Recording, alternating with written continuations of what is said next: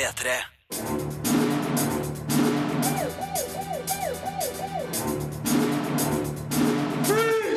Filmpolitiet! What's your name, dude? Birger Vestmo.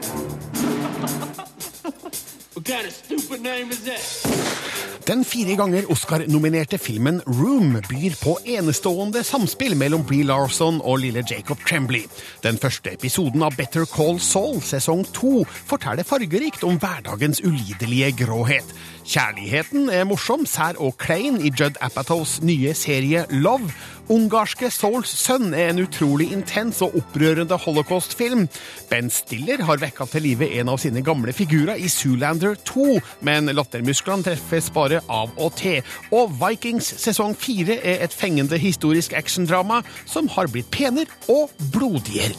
Det her er noe av det som venter deg i denne ukas utgave av eh, Filmpolitiet. P3. Filmpolitiet anmelder film. Do you remember how Alice wasn't always in Wonderland? She fell down, down, down deep in a hole. Right, well, I wasn't always in room. I'm like Alice. Now we've got a chance. I'm scared. I know. Det beste utgangspunktet for å se en film er å ikke vite noe om den. Det er som oftest umulig, men jeg greide faktisk å unngå enhver beskrivelse av Room, og kun se hele historien med totalt friske øyne. Dette er et varmt og rørende drama med noen svært spennende thrillerelementer. Samspillet mellom Bree Larson og lille Jacob Tremblay er enestående og sørger for en helt spesiell filmopplevelse som er best om du ikke vet for mye på forhånd. Derfor skal jeg si lite om handlinga, i hvert fall mindre enn hva filmens trailer sjøl avslører. Ma, spilt av Bree Larson, og den fem år gamle sønnen Jack, spilt av Jacob Tremblay, bor i et lite rom med et takvindu. Etter hvert blir det klart at de ikke bor der av fri vilje, og at Jack aldri har vært utafor rommet. Men nå er han fem år, og Ma tror han kan være gammel nok til å bistå hun i et forsøk på å komme seg ut i verden. Truck. Truck, Wiggle out. wiggle out, Jump. jump, Run. run. Bree Larson spiller godt som kjærlig forsørger under uvanlige omstendigheter. Hennes utvikling gjennom filmen berører emosjonelle strenger over hele spekteret, og Larson spiller med høy innlevelse og troverdighet. Dette har gitt hun en Golden Globe, en Screen Actors Guild-pris, en BAFTA-pris og en Oscar-nominasjon. Hennes prestasjon forsterkes av den fantastiske innsatsen til den nå ni år gamle Jacob Tremblay, som òg hadde fortjent et prisras. Dette er nemlig en av de beste barnerollene jeg har sett siden Quenchany Wallis sitt gjennombrudd i Beasts of the Southern Wild. Trembley spiller rått og naturlig som den modige, skjønne, undrende og reflekterte Jack. And I lived in a house with my mom and my dad. You would call them grandma and grandpa. What house? House. Regissør Lenny Abrahamson har laga en flott film basert på en roman av Emma Donoghue, som òg har skrevet manuset. Plottet kunne kanskje ha virka litt søkt, hadde det ikke vært for at lignende ting har skjedd.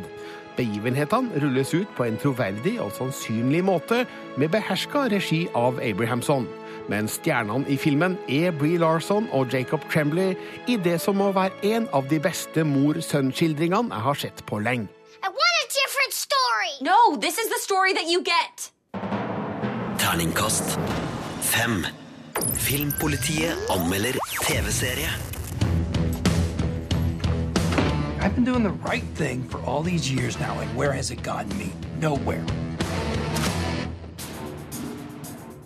På tirsdag starta Better Call Saul sesong to på Netflix, og det er en serie mange har et godt forhold til. Skal vi bare sette serien for de uinnvidde, Sigurd Vik? Det kan vi godt. Eh, Det var da serien Breaking Bad som handla om en kjemilærer ved navn Walter White som fant ut at metamfetamin var en forholdsvis grei måte å spe på inntekter på.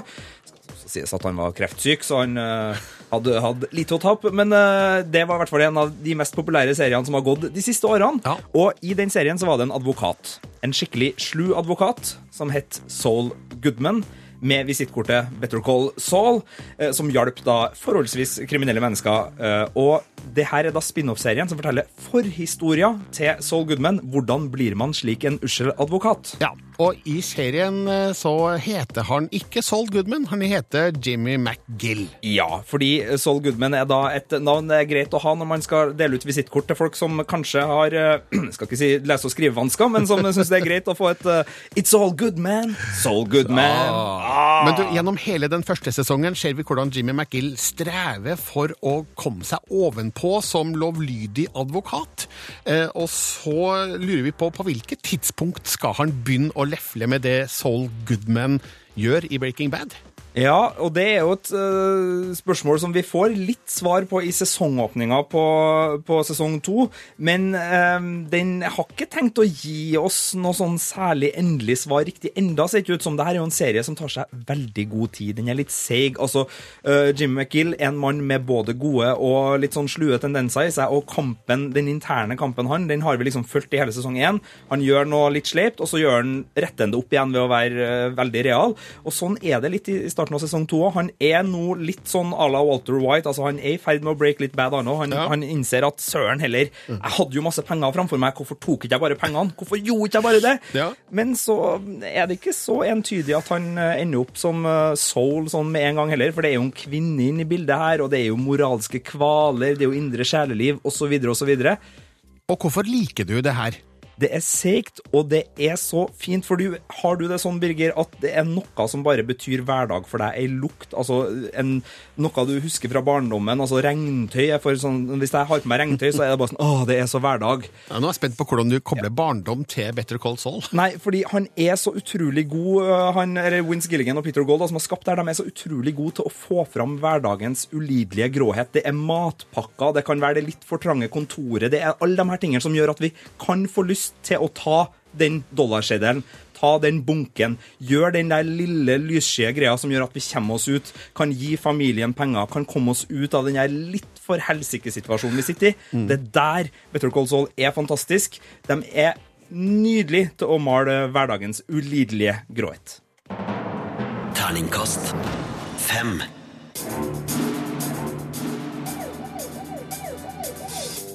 Med filmer som 40 Year Old Virgin, Knocked Up og Trainwreck har Judd Apatows navn blitt synonymt med morsomme romantiske komedier. I dag er det premiere på hans nye serie Love i Netflix, som da ikke må forveksles med Gaspar Noés erotisk film med samme navn. Marte Hedenstad har sett alle de ti episodene. Filmpolitiet anmelder TV-serie. I met this girl, but I think I like overplayed my hand. Would you text her? Sup? Question mark. Sup is perfect. I've gotten laid texting sup plenty of times. Nothing dries up a vagina more than a paragraph. I kongen av romantiske komedier Judd Apatows nye serie Love får du en morsom og sær fortelling om den kjipe delen av kjærligheten. Serien tar oss med til LA, der den sosialt keitete nerden Gus, spilt av Paul Rust, har en drøm om å bli manusforfatter. Men han jobber som lærer for den tolv år gamle bortskjemte stjerna i en middelmådig TV-serie om hekser. Når Gus sin kjæreste innrømmer at hun har vært utro, faller hans liv i grus. Men samtidig som Gus dumper dama, tar også det destruktive forholdet til Mickey, spilt av Gillian Jacobs, slutt. Hun er den kule, frekke jenta som tilsynelatende ikke bryr seg om noe som helst, men som har store problemer på innsida. De to møtes selvfølgelig, og et vennskap vokser frem. Men Gus vil selvsagt være mer enn bare venner, og dermed begynner en klønete, klein og til tider ubehagelig jakt på kjærligheten. It's like I meet somebody, and then they like me initially, and then I fuck it up. Why don't you just be a man? Be a man. Love har mange morsomme scener som gjør meg glad i rollefigurene. Som for eksempel når Gus kaster alle filmene i flyttekassa ut av bilen i fart fordi Hollywood har gitt ham uoppnåelige forventninger til kjærligheten. Eller når Mickey sender Gus på date med romkameraten sin, og det går rett vest. Love er søt og flau, men også til tider vanvittig irriterende. I kjent Apatow-stil dras rollefigurenes feil og mangler til det ekstreme, og selv om det er morsomt, blir det av og til for mye. Gus blir til tider så sosialt keitete at det slutter å være morsomt og bare blir irriterende. Nobody ever just pulls you aside and goes, hey, so you know, relationships are fucking bullshit. Det er heller ikke fryktelig mye handling å skryte av i serien. Historien, som lett kunne ha passa inn i en kinofilm, er strekt ut over ti episoder, og det er derfor lite i hver episode som faktisk driver handlingen fremover. Heldigvis er Mickey, Gus og vennene deres artige og interessante nok til at jeg vil følge dem og bli bedre kjent med dem. Og selv om de er irriterende, er de også sjarmerende på sine måter. Judd Apatow gjør det han er best på også her, nemlig å balansere humor med menneskelig sårbarhet. Til tross for seriens mangler klarer Apatow på denne måten likevel å gjøre Love til en serie du blir glad i. Thank you for defending my honor. I am the one that called you a whore.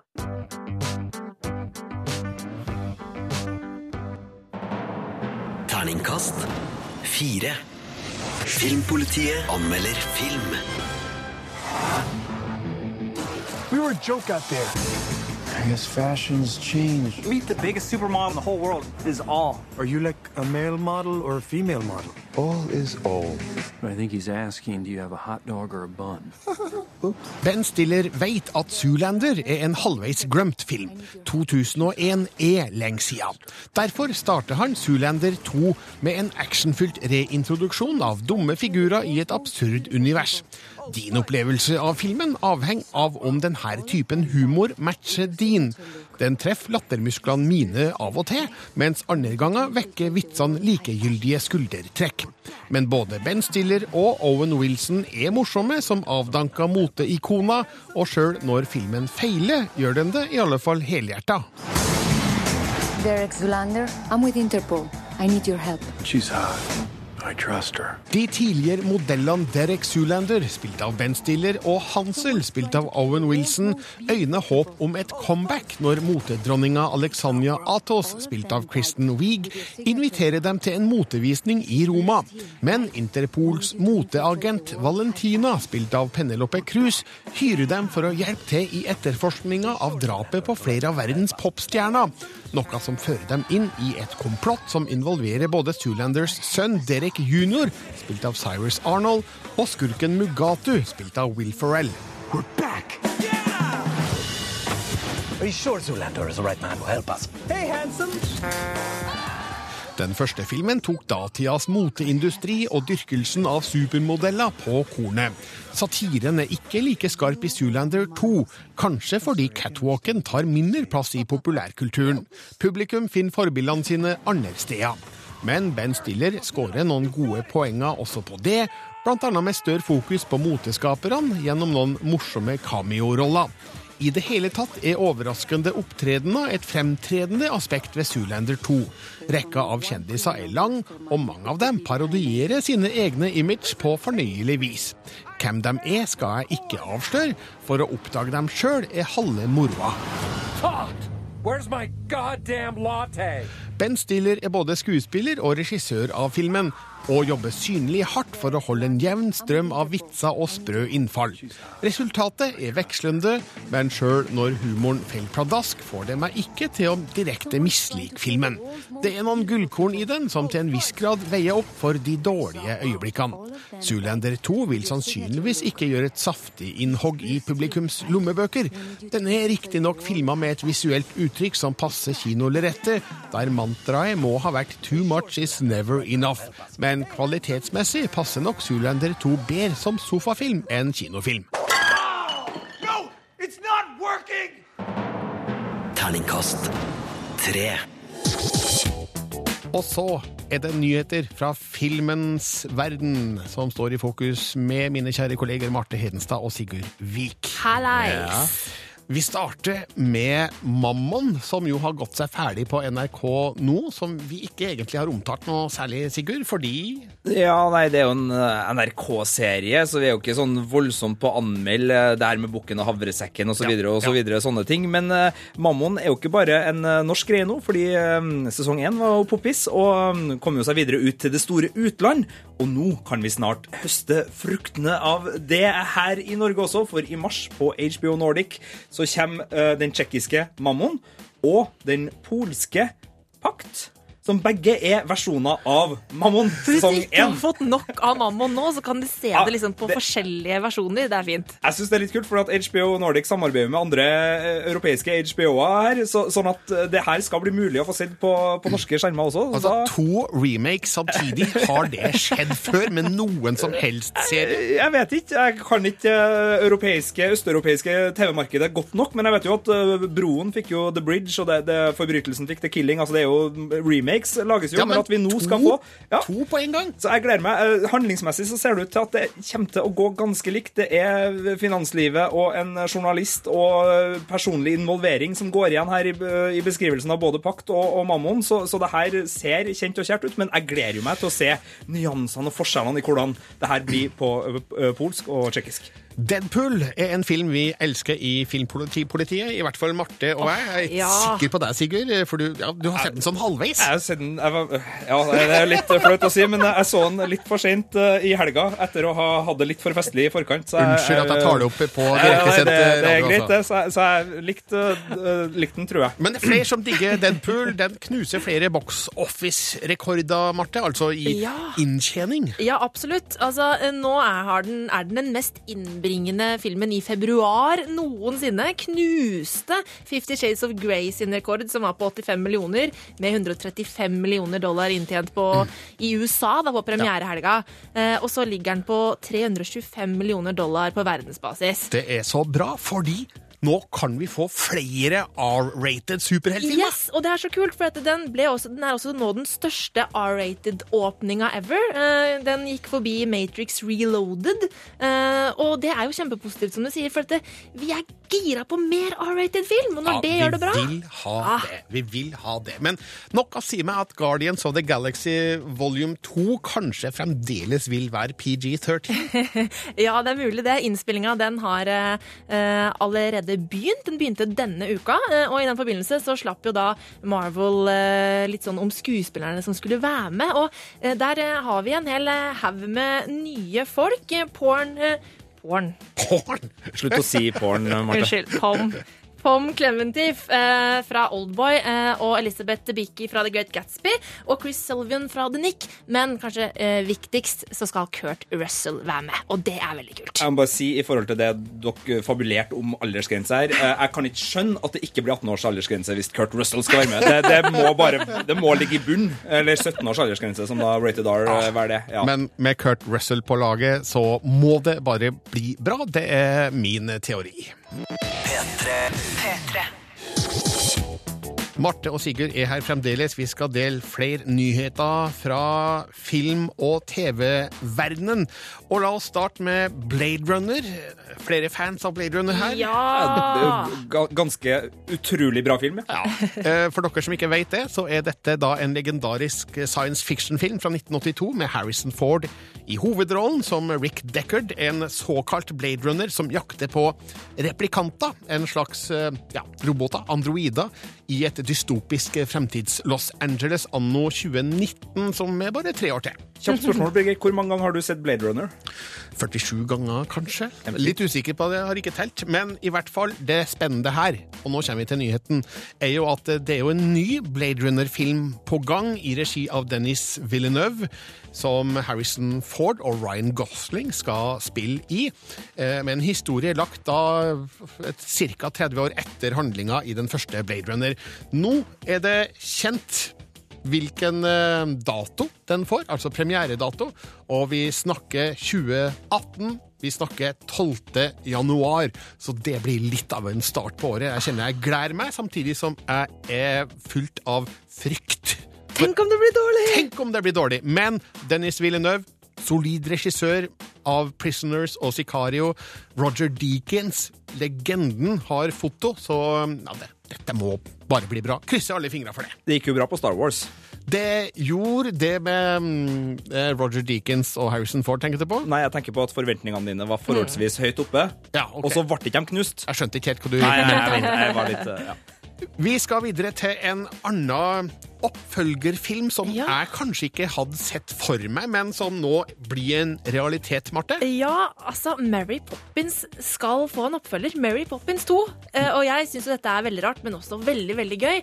Eh, filmen eh, skal da foregå 20 år etter handlingen i, i originalen, med Julie Andrews og Dick Van Dyke. Og nå er det da sånn at en av mine favorittskuespillere for, for tida, Emily Blunt, skal mest sannsynlig spille Mary Poppins. Hun er in talks, som det så fint heter. Mary Poppins er jo en elska film fra 1964 om en eh, familie som får en eh, litt utradisjonell barnepike.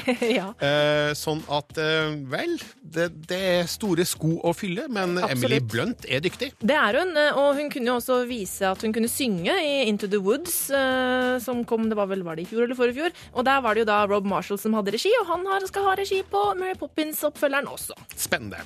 Spennende er da når Stephen King igjen skal til TV-skjermen, Sigurd. Ja.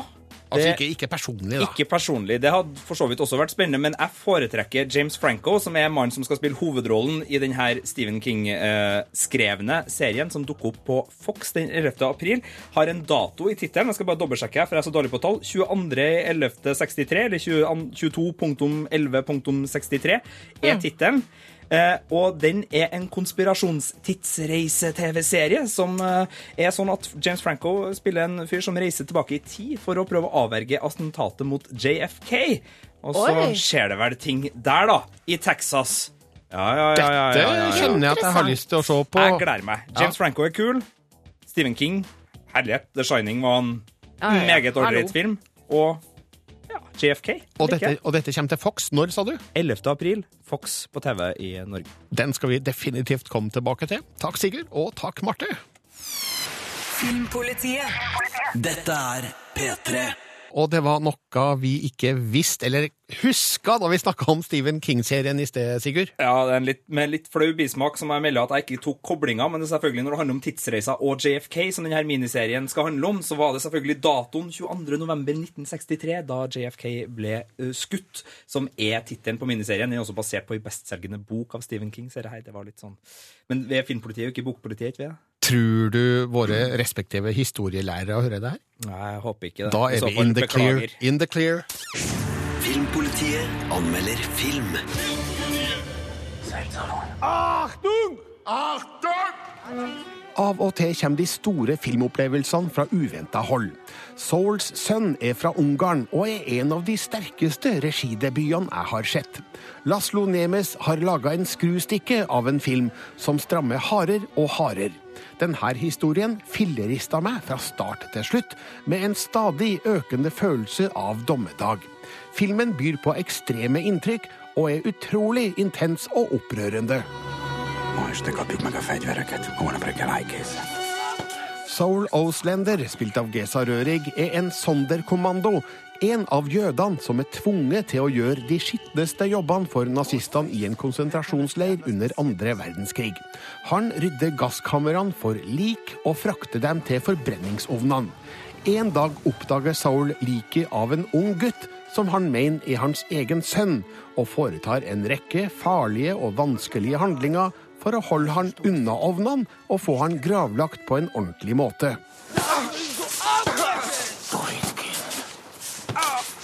Filmen er akkurat så mørk og jævlig som den høres ut som. Vi blir tatt med inn i et univers så umenneskelig at det nesten ikke er til å tro. Åpningsscenen, skutt i én lang tagning, er allerede en klassiker, der gasskammerprosessen skildres på en tilnærma dokumentarisk måte. Følelsen av forvirring, redsel og panikk er ekstremt godt skildra.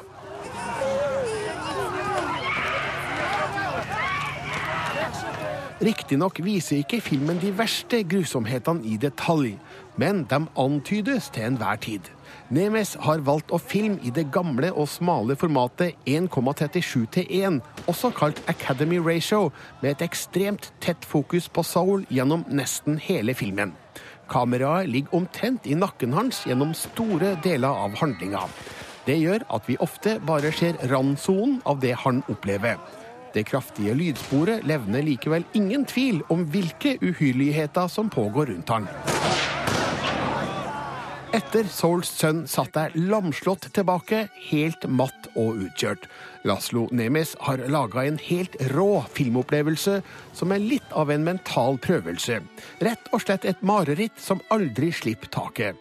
Følelsen av ondskap, umenneskelighet og totalt mangel på håp er gjennomtrengende. Souls tilsynelatende umulige kamp er sterkt rørende.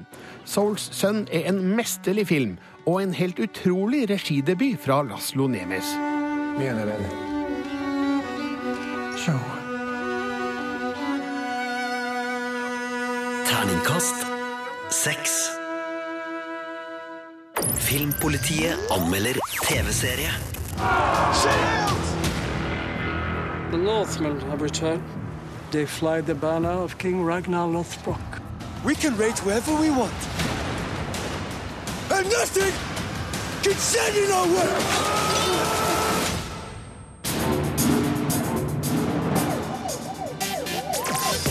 Du hørte lyd fra Vikings. Sesong fire, som starter på HBO Nordic i dag, med nye episoder hver fredag. Og for deg som ikke har sett det her før, så er Vikings et historisk actiondrama basert på kjente skikkelser og hendelser fra sagaen med den sagnomsuste vikingkongen Ragnar Lothbrok som hovedperson. Og Sigurd Vik, du har sett de fire første episodene av sesong fire. Og eh, hvordan holder det her seg? Altså, Lever serien fremdeles? Ja, den er faktisk gledelig nok eh, på vei eh, oppover. Ja vel? Jeg var veldig glad i Vikings eh, i starten. Syns det var en eh, litt sånn ikke lavbudsjett. Altså, det er jo penger inni her, men det er History Channel og MGM som lager det. Og det var liksom ikke sånn storslått eh, Ringenes herre Game of Thrones-produksjon på det. Var litt mer uh, nedpå, og, og det var fengende figurer som, som funka bra. Gode skurker. Uh, Gabriel Byrne var, var en jarl, og, og vi hadde kong Hårek, og vi hadde også Åh, nå sto det stille på skuespillerfronten. eh, Torbjørn meg. Harr. Det hadde vi, som en eh, også god jarlskurk, så det, det funka bra. Så i eh, sesong tre så tok det en sånn liten dupp for meg. Da, da, jeg likte ikke starten på, på serien der. Da var det litt tregt, det var litt landbruk, det var ploging, det var mye England, det var litt forskjellig. Men så, nå er det fart i seilene igjen. Det er eh, slag og kamper på, på alle fronter. Vi er litt i Paris, vi er litt i, i England, eller Wessex og Mercia og disse anglosaksiske rikene. Og selvfølgelig masse i Skandinavia. Så nå, nå er det på flere fronter det, det smeller. Og, og Ragnar Lothbrok, spilt av uh, Travel Fimmel, er eh, en utrolig karismatisk fyr altså, som holder det hele sammen, og som gjør at du blir sittende litt sånn på kanten av stolen og Vikinga! Vikinga! Ja, det er litt eh, der. Eh, Da Filmpolitiet starta i dag, eh, så um, hadde jeg jo som vanlig en sånn introduksjon der jeg forteller om alt vi skal snakke om i dagens sending, og da serverte du meg følgende setning. At Vikings sesong fire et fengende historisk actiondrama som har blitt penere og blodigere. Det er litt sånn motsetningsfylt de to Ja, okay, ordene der. Altså, Produksjonsverdien har gått opp litt. Nå er det flotte kamerakjøringer over nordisk natur. Vi følger intense fluktscener hvor vi liksom er med på vis som gjør at uh, kameraet virkelig kommer til sin rett, da, og vi får en skikkelig filmopplevelse av det. hele. Det er også masse storslått natur, flotte kostymer. Jeg liker veldig mye av det her. Men det er også ganske så blodig, for med nye venner på nye kontinent som man slåss mot, så får man jo også nye våpen og, og lærer seg nye triks. Uh, Det slår uh, ut, og det er så kroppslig til tider eh, når det gjelder hva som skjæres av og trekkes ut av diverse åpninger som right. kanskje ikke skal være der, at det kan bli eh, litt mye for den eh, følsomme, men eh, jeg liker det. Og så syns jeg det er litt artig, for den er jo fiksjon, men samtidig så leker den veldig mye historiske skikkelser, og nå kommer det inn en norsk konge som har et navn som gir assosiasjoner til en eh, konge vi kjenner veldig godt fra historiebøkene våre, men han er ikke nødvendigvis plassert akkurat der vi skulle forvente. Og ja, det skjer ting der som eh, jeg gjør. Jeg liker at den leker med det. Noen historikere blir kanskje irritert, men eh, jeg syns det er spennende. Og dermed blir karakteren fra Sigurd Vik Terningkast fire. Filmpolitiet anmelder film. Se, paparazzi! Kan dere ta et til fra denne siden? Alvin og gjengen er tilbake, og i denne fjerde filmen om de søte, syngende jordekornene Alvin, Simon og Theodore, er det ingen tvil om at konseptet begynner å bli oppbrukt. Filmen har en eim av den berømmelige melkekua over seg, men selv om Alvin og gjengen i farta bare er et sammensurium av musikalske opptredener og uheldige hendelser, vil den underholde de minste. Jeg vil ikke dra tilbake til skogen. Og jeg har ikke tenkt å ende opp i samme familie som han der. Bra liv! I Alvin og gjengen i farta blir Ekornguttas forhold til liksom-pappa Dave satt på prøve. Dave er plateprodusent, og når han må reise til Miami for å lansere et nytt album, tar han med seg den nye kjæresten sin, Samantha, istedenfor Alvin, Simon og Theodore. I mellomtida skal Samanthas sønn Miles bo sammen med ekornene, sånn at de kan bli bedre kjent. Det viser seg imidlertid at Miles er en skikkelig plageånd, og når Alvin og brødrene får det for seg at Dave skal fri til Samantha i Miami, legger de derfor ut på tur for å stoppe frieriet. De har kun tre dager på å komme seg fra LA til den andre siden av landet, og det er selvfølgelig lettere sagt enn gjort. Vi må dra til Miami og forhindre frieriet. Jeg har en plan. Hvis det skulle være noen tvil om hvilket publikum Alvin og gjengen i farta er mynta på, så kan jeg fortelle at filmen kun er satt opp med norsk tale i Norge. Selv er jeg ingen fan av dubbing av skuespillere, men de norske stemmene, gitt av bl.a. Stig-Henrik Hoff, Espen Sandvig, Kristoffer Staib og Erik Skjold, fungerer stort sett greit. Det er tross alt de dataanimerte ekorngutta som er i sentrum mesteparten av tida. Musikken er fortsatt det viktigste i Alvin og gjengen i farta, og filmen er stappfull av musikalske innslag. Ikke alt fungerer like godt, men det er flere scener her som vil få barna til å danse i kinosetet. Spesielt er scenen der Alvin og gjengen havner i en jazzparade i New Orleans. Underholdende. Ekorntrioen drar på med en coverversjon av Uptown Funk som det virkelig svinger av. Filmen er også stappfull av plump og enkel fysisk humor som barna vil le høyt av, men voksne i kinosalen vil nok glede seg mer over barnas entusiasme enn av selve filmen.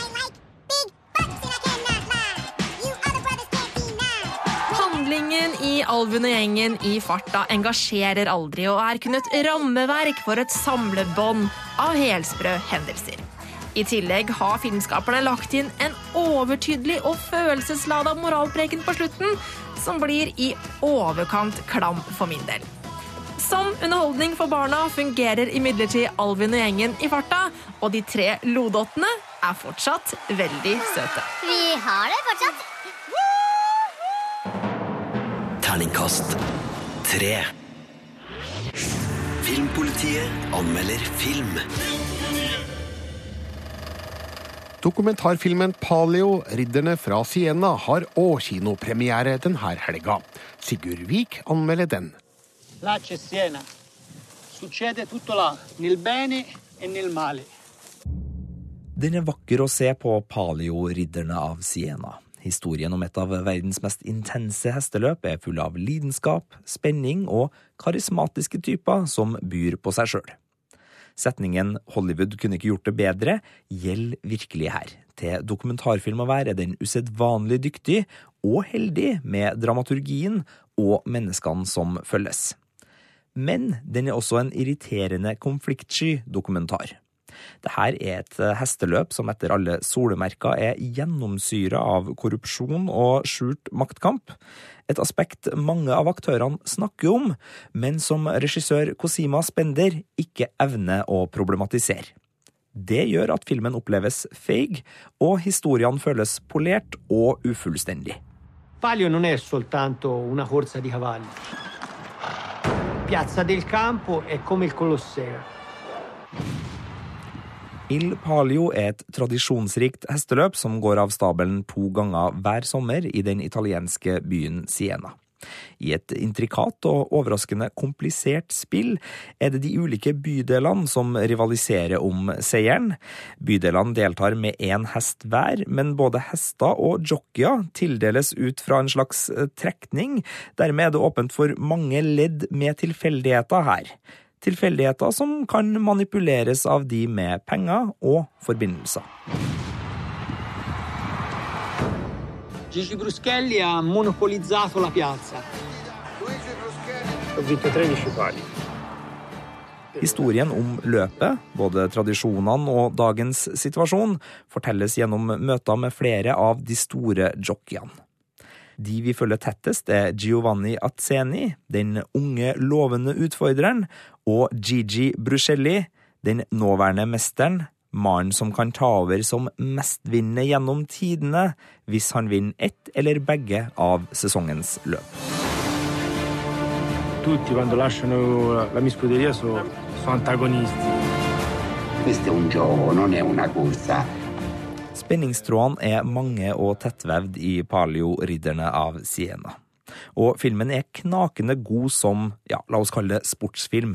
Det er nesten sånn glemme at det her er en dokumentar. Både karakterer, plott og spenning er særdeles fengende og følger nesten klassisk eventyrmal. Det kan bli litt mye til tider, med svulstige scener med hester i slow motion, men som idrettsdrama er det her en veldig godt komponert film. Det er som idrettsdokumentar den er svak.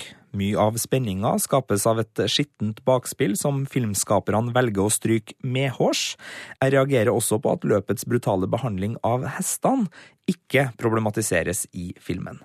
Det at filmskaper Cosima Spender ikke tar noe slags oppgjør med det her, gjør at hun mister troverdighet som dokumentarfilmskaper. Med så mange løse beskyldninger og antydninger om juks, er det slett journalistisk arbeid å ikke konfrontere intervjuobjektene med det her. Det hindrer Palio Ridderne av Siena fra å bli noe mer enn en meget velskapt, men helt ufarlig postkortfilm. Se ti senti all'altezza di fare certe cose, arrivi a farle.